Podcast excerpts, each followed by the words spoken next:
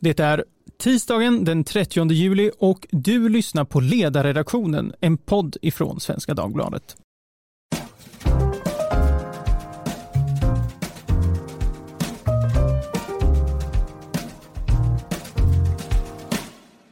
Jag heter Edvard Hollertz och idag ska vi prata om varför nästan ingen handlar på Coop längre. En fråga som ursprungligen ställdes av Dagens Nyheters Jonas Fröberg i ett uppmärksammat reportage förra veckan. Coops nedgång den är berättelsen om ett förändrat Sverige. Kooperativa förbundet, vars konsumbutiker nu heter Coop, var en gigant med starka kopplingar till arbetarrörelsen. Men den fornstora kooperationen har länge dragits med lönsamhetsproblem. Coops marknadsandel har fallit från 35 procent år 1960 till drygt 18 procent nu. Vad beror den här förändringen på? Är problemet den kooperativa ägandeformen? Handlar det om Coops starka band till arbetarrörelsen? Eller har helt enkelt huvudkonkurrenten ICA varit bättre? De här frågorna, och troligen lite till, ska vi diskutera idag. Med oss på länk har vi docent Fredrik Sandgren.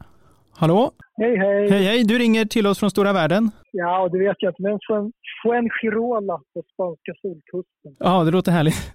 Du är eh, verksam vid ekonomisk-historiska institutioner vid Uppsala universitet och eh, har bland annat Ja. forskat på dagligvarans handelns framväxt i Sverige. Va? Ja. Bra, tack. Vi har i studion här i Stockholm Tobias Rydergren, presschef i Coop. Hej, hej. Hej, välkommen. Tack. Eh, Och från Svenska Dagbladet, Maria Ludvigsson. Hej, Hej, välkommen tillbaks från semestern. tack. Och Jesper Sandström. Hej hej! Hallå, hallå. Kompetent skara ska prata om dagligvaruhandel här idag. Jag vill framhäva också mig själv i sammanhanget. Jag har läst två högskolepoäng schweizisk detaljhandel faktiskt. Åh, Ja. spännande. Det är Eh, men oerhört intressant. nu ska ni andra få tycka till här. Eh, Dagens Nyheters reportage om Coop har ju fått enorm uppmärksamhet. Varför tror ni ämnet engagerar så mycket? Vill eh, Maria börja? Ja men det gör det. Jag, jag tror dels så finns det lite historiskt. Många av oss har vuxit upp eh, kanske på mindre samhällen, där det, mindre sammanhang där det fanns antingen privathandlaren eller ICA eller Konsum eller Domus.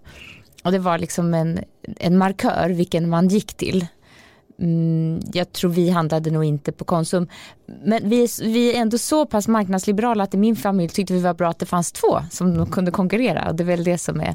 Sen tror jag att det här, det är någonting lite nostalgiskt över eh, Konsum och Domus. Det bekymrar oss att det händer så mycket just nu. Vi tycker att det är mycket som förändras och det är mycket som inte är som det var förr. Och då kan den här hälsningen eller den här påminnelsen om att förr så fanns det bara Coop och ICA och det var bra så. Att även det håller på att förändras kanske, kanske kan spä på känslan av att vi inte riktigt hinner med. Vad säger Jesper? Ja, jo, men alltså eh, jag får väl instämma i det här att jag, jag tror att just eh, så att säga klyftan mellan Coop och ICA det har ju varit något djupare än bara vilken, vilken matvarubutik man, man väljer. Att det handlar om någonting mer än att bara hitta de bästa erbjudandena eller så. För att eh, jag växte ju upp i Gällivare i nordligaste Sverige, ett, ett väldigt starkt arbetarrörelsedominerat samhälle. Och jag kan ju inte påstå mig haft någon politisk barndom sådär. Vi pratade inte politik hemma överdrivet eller så. Men nå- något av det tidigaste politiska jag minns det är att när min far fyllde 40 så fick han ett, ett, det, var, det var ett tidningsurklipp, ett, en prisjämförelse mellan ICA och Coop som då visade att ICA var dyrare och det här handlade om att håna honom för att han då handlade på Coop och jag underförstått var någon typ av borgarbracka på grund av detta. Just det, Så- så på det, det satt väldigt djupt. Vad säger, vad säger Tobias? Nej, men det, det tror jag är, anledningen är väl den här eh, nostalgin som gör det intressant, men sen tror jag också att eh, ja, Co- Coop-stöd är ju ganska överdriven. Alltså vi omsätter fortfarande drygt 38,8 miljarder. Vi har 650 egna butiker och nu 160 nettobutiker som ska inlämnas här. Eh, Så vi är en av de butikerna man handlar mest av i Sverige, näst mest av kanske då i Sverige.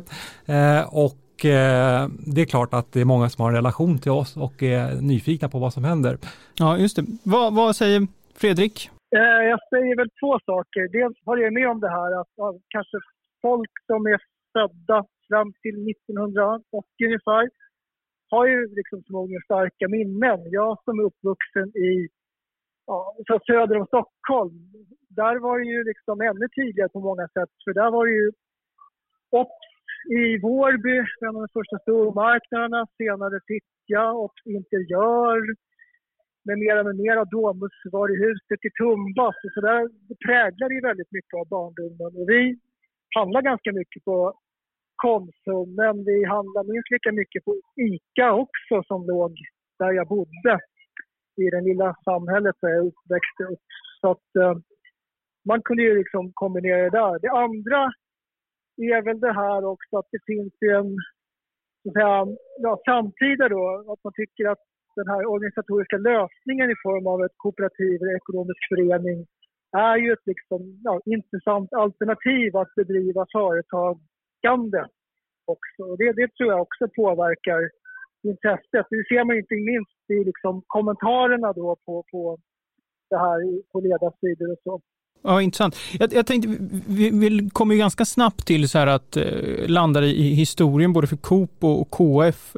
Kan du ge oss en liten tillbakablick? Vad är viktigt att förstå när vi diskuterar Coop, Fredrik? Ja, dels så ska man ju komma ihåg, eller jag ska inte gå in för jättemycket, men det här alltså själva poängen med kooperationen var ju det att man, ja, man blev medlem mot en mindre medlemsavgift, ganska låg och sen så skulle man handla och så fick man återbäring i relation till det som man handlade. Och det var, tanken var ju då att man skulle så att säga, skapa sig ja, vettiga förutsättningar för, för att få tag på det dagliga nödtorstet. Men det som hände ungefär kring 1905 är det väl tror jag som kooperationen började dra igång ordentlig grossistverksamhet. är att man då samordnar massa små och stora ekonomiska föreningar, kooperativ runt om i Sverige till den här jättestora koncernen med alltså, ja, grossistverksamhet, produktion, allt ifrån då bröd, stora bagerier till de här Luma som lys, det, lampor med mera, med mera. Och det gjorde man också på ett väldigt effektivt sätt, på ett modernt sätt. Man var, tid, man var oftast nästan först med de flesta sådana här innovationer inom varuhandeln generellt fram till någonstans 1960-1970. Och man ja, drev en bra och expanderande verksamhet på många sätt. Så att på så sätt har ju det, kooperationen spelat en väldigt stor roll, då, inte minst för varuhandeln ja, organisatoriska, teknologiska utveckling, modernisering, effektivisering, rationalisering. Dock inte ensamma. Och tycker att man ska komma ihåg att det inte bara funnits ICA, det har ju funnits andra så här, så här, privata aktörer som också har, inte minst nu de senaste 30-40 åren, som har fått en väldigt, alltså ökat sin marknadsandel eh, betydligt. Det, så, på så sätt, kooperationen har inte varit ensam, men den var viktig eh, som då, moderniserande kraft fram till ungefär 60-70-talet. Eh, bara, bara väldigt kort, vad hände sen efter 60-70? Då kan man väl säga att de här, ja, om vi kallar dem privata eller enskilda, de andra aktörerna kom ikapp. Eh, och sen inte minst i och med att kooperationen hade byggt upp ett sånt stort koncern, alltså, så blev man ju började bli konkurrens i de här olika liksom, typerna av produktion som de drev. Eh, så man kan väl säga att, och inte minst ICA naturligtvis, de alltså de började ju redan alltså tidigt på 30-40-talet och gradvis också effektivisera, rationalisera, bygga upp storskalig, stor, storskalig grossistverksamhet och samordning. Men det där slår ju in, eller så, så här, ger ju betydligt större effekt då från ungefär 70 och framåt. Och sen är det det här som, som vi har pratat om i, i det här, det som har funnits i diskussionen, att man började tröttna lite grann på kanske kooperationens lite enahanda utbud och man såg andra kuliga produkter på andra ställen. Men mycket handlar ju om att de här andra aktörerna, ICA, det som senare blir Axfood, ja, de började liksom bli mer effektiva, samordna sig bättre, eh, driva sin verksamhet mycket bättre. Och då, ja, det är konkurrens alltså. Då, då ökar ju de sin marknadsandel och kooperationen tappar sin. Vad bra, tack. Maria får komma in. Det där är lite intressant den här historiebeskrivningen. Som, det låter lite grann som att eh, alltså, tack vare konkurrensen då så, så det blir alltid någon som klarar den lite bättre än de andra. Och då, då, det tycks mig som att kooperativa formen var inte optimal och det var därför som man också började tappa marknadsandelar. Så att säga, det kom andra eh, kedjor och andra dagligvarubutiker som konkurrerade ut dem och det är väl en bra sak då. Men det, säger det någonting om den kooperativa formen att den inte klarar det lika bra? Det får vi gå till Tobias. Tobias. Här. Ja, nej, nej, det tror jag egentligen inte. Alltså, det är klart att, klart att vi har varit då sämre än konkurrenterna under den här tiden. Sen om det är kopplat till den kooperativa modellen, det tror jag inte. För att samtidigt kan man säga att den kooperativa modellen fungerar väldigt bra att driva livsmedelsverksamhet i Finland. Eh, några av de absolut största aktörerna på den svenska livsmedelsmarknaden är ju också kooperativ, Arla, LRF, eh, Lantmännen och så vidare. Så det är klart att det går att göra det eh, med konkurrens och med framgång. Eh, utan jag tror helt enkelt att, att det inte är ägandeformen utan helt enkelt att de har varit bättre på att driva sina företag. Det där är ju en intressant, hela livsmedelsindustrin är ju väldigt sådär, det är ju flera olika stora eh, enstaka spelare. Jag tänker både Arla eh, och Lantmännen, de är, det är inte direkt någon konkurrenssituation där heller. Så. Eh, jo, det, det får man väl ändå säga Mycket... att det finns, eh, kanske inte just på mejeriområdet där det Nej. kanske är uppdelat delvis eh, regionalt, men, men, men Lantmännen definitivt. Nej, men det, det som jag tror ju också är viktigt nu är ju att vi är i en situation där det finns en väldigt dominant aktör inom dagligvaruhandeln, eh, ICA, som har över 50 procent och där tror jag våran roll och våra konkurrenters roll är jätteviktig att skapa konkurrens igen i marknaden.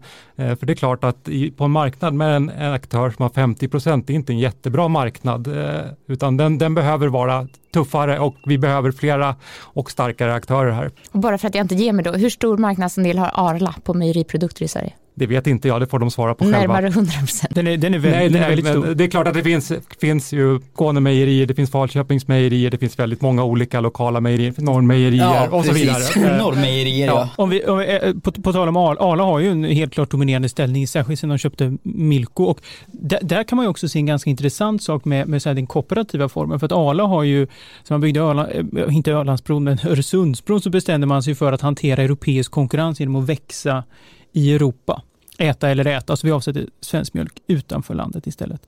Men det här har ju fått till effekt att de andra länderna har ju blivit större än Sverige.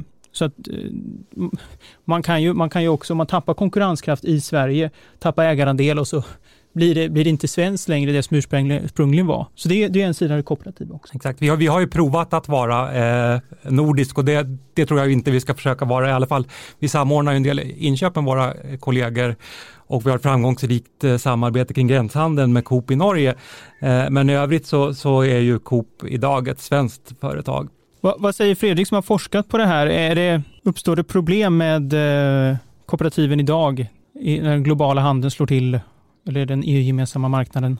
Ja, inte självklart eftersom vi var väl inne på det Tobias. Att det, I Finland har ju kooperationen lyckats väldigt bra men det beror ju helt på liksom hur alla aktörer, de andra aktörerna också agerar och hur marknaden utvecklas. Alltså det som har hänt i Sverige, det vill säga att vi har ju till skillnad från många andra länder. Nu är jag i Spanien här och då tittar jag precis nu på den stora supermarknaden i det här köpcentret. Vad heter den? Den heter Carrefour. Det är alltså ett franskt bolag som etableras i Spanien. Det där har ju inte skett på samma sätt i Sverige vad gäller dagligvaruhandeln. Och, och det var väl delvis för att vi har haft en ganska liten marknad men också för att vi har haft relativt väl fungerande företag som har så att säga, fixat konkurrensen eh, som den har sett ut. Eh, och i det så säger jag att nej, men det är väl liksom inget större problem att vara en kooperation generellt. Men möjligtvis har det inom dagligvaruhandeln visat sig vara att den här lösningen som ICA har med ganska, alltså när man bygger på enskilda handlare med ja, större och mindre butiker, att den, den har varit liksom konkurrenskraftig. Och att man hittar bra lösningar för de kunderna som, som finns där. Kom, kompletterat då med en bra så att säga, samordning inom ICA så att de har liksom kunnat ekonomisera till priser och sånt där. Eh, men som sagt, i sig så finns det inget problem med just att det var kooperation. Problemet var väl ett tag på 70-80-talet att liksom, de här större och mindre ekonomiska föreningarna i kooperationen var svåra att liksom få med på tåget så här jättesnabbt. Så det är ju ett potentiellt problem att det är liksom svårare att peka med hela handen i kooperationen generellt. Eh, jag, jag tycker att eh, Lydia Wåhlsten som skrev om Coops problem här på ledarsidan eh, förra veckan lyfte ju fram väldigt intressant från kooperationens tidigare ordförande det här, det här att det har ansetts fult att göra vinst. Det kan ju ha varit en del av, av problematiken att man har ansett att man har behövt skapa något värde som är större än att gå med vinst men där kanske man snurrar bort sig lite för jag menar du, du, maximerar väl ändå din vinst genom att faktiskt erbjuda någonting som kunderna vill ha och vara väldigt nogsam och lyhörd inför vad marknaden, vad dina kunder efterfrågar. Tobias? Ja, nej men det, jag tror att något som är ännu fulare inom kooperationen är att göra stora förluster. Det gjorde vi under många år. Eh, och vi har nu sedan 2015 gått med vinst. Eh, och jag kan säga att, det, det, att, att en kooperation inte ska gå med vinst är någon sorts eh, vrångbild. För att det, det, det, är en förutsättning för alla företag. Ja, ja, Sen har vi, så har vi såklart eh, eh, men, men också andra mål med verksamheten som är viktiga. Framförallt då att kunna erbjuda ett värde för våra medlemmar. Mm, mm. Man skulle ju kunna säga så här, taken på det här samtalet då att det, det, har vi blivit så moderna att vi inte har Coopera längre. Det kan ju vara så att även det kooperativa har blivit modernt. Alltså att allting förändras. Det inte, behöver inte vara så att man eh, tappar saker och ting på vägen utan det förändras och utvecklas det också. Nej men det tror jag också. Sen så ser man ju också att många utav liksom de nya företagen som växer fram bygger på någon sorts kooperation eller delningsekonomi som man kanske kallar det för nu istället som är lite samma idé att man delar på gemensamma saker. Allt från Airbnb Airbnb och så vidare. Eh, men man kallar, kanske kallar det en ny förpackning och där tror jag också att vi har ett jobb att göra, att vi måste förpacka våran, vårat erbjudande och vad det innebär att vara medlem i en kooperation till ett nytt sätt, mer än att man kanske är delaktig och skriver motioner på våra stämmor och så vidare, att man kan vara mer delaktig i verksamheten. Man är ju ganska delaktig som kund, man skickar ju en signal in hela tiden vad det är man vill ha för någonting och inte behöva göra sig omaket att gå på en stämma för att bestämma vilken mjölksort man vill ha där. Självklart är det så. Och självklart lyssnar vi på, på både våra kunder och våra medlemmar och, eh, och där är ju konkurrensen eh, stenhård. Liksom. Men det, stämman, inte det allt, allt ett krångligare sätt för att, att man har en bra handlare som tar hem vad, vad kunderna vill ha egentligen? Eller? Men det ena utesluter ju inte det andra. Det, självklart så har vi jätteduktiga butikschefer som ser till att, att man servar kunderna på bästa sätt och vi behöver ännu fler butiker som blir ännu bättre så kommer vi att kunna, nu växer vi lite grann, vi tar, tar inte marknadsandelar än men det, det är vår ambition att göra det. Kan man förstå den här, den här förändringen också med att ändra ett kundbeteende, att man var, man var väldigt trogen tidigare kooperativet av andra ideal också? Mer än att eh, man, fick, man fick bra mjölk där. Alltså det fanns, utbudet var ju inte riktigt att jämföra. Det var små lanthandlar och man hade med sig sin mjölkflaska och, och fyllde på med mjölk och sådär. Så det, det, är klart att det, det var, blev en explosion av nya butiker och man fick varuhus till exempel. Man kunde komma in och, i ett stort eh, varuhustempel nästan och köpa vad man ville. Det där var ju nymodigheter verkligen som satte igång på fart på kommersen. Jag skulle nog tycka att både vi som kunder, både på matvarumarknaden men till exempel även på bankmarknaden skulle vara lite tuffare. Så, eh, det finns fortfarande när vi är som bankkund och då är vi lite sådär mössan i handen och, och ber nästan om ursäkt och tycker det är fint att vi får vara med. Men, och, och, det är ingen bra marknad, det måste vara tuffa kunder. Eh, och det här kom, det förändras lite grann nu när e-handeln kommer in i våran bransch. För det är klart att innan har man varit ganska trogen antingen sitt varumärke men oftast den butiken som ligger närmast för det är enklast att handla där.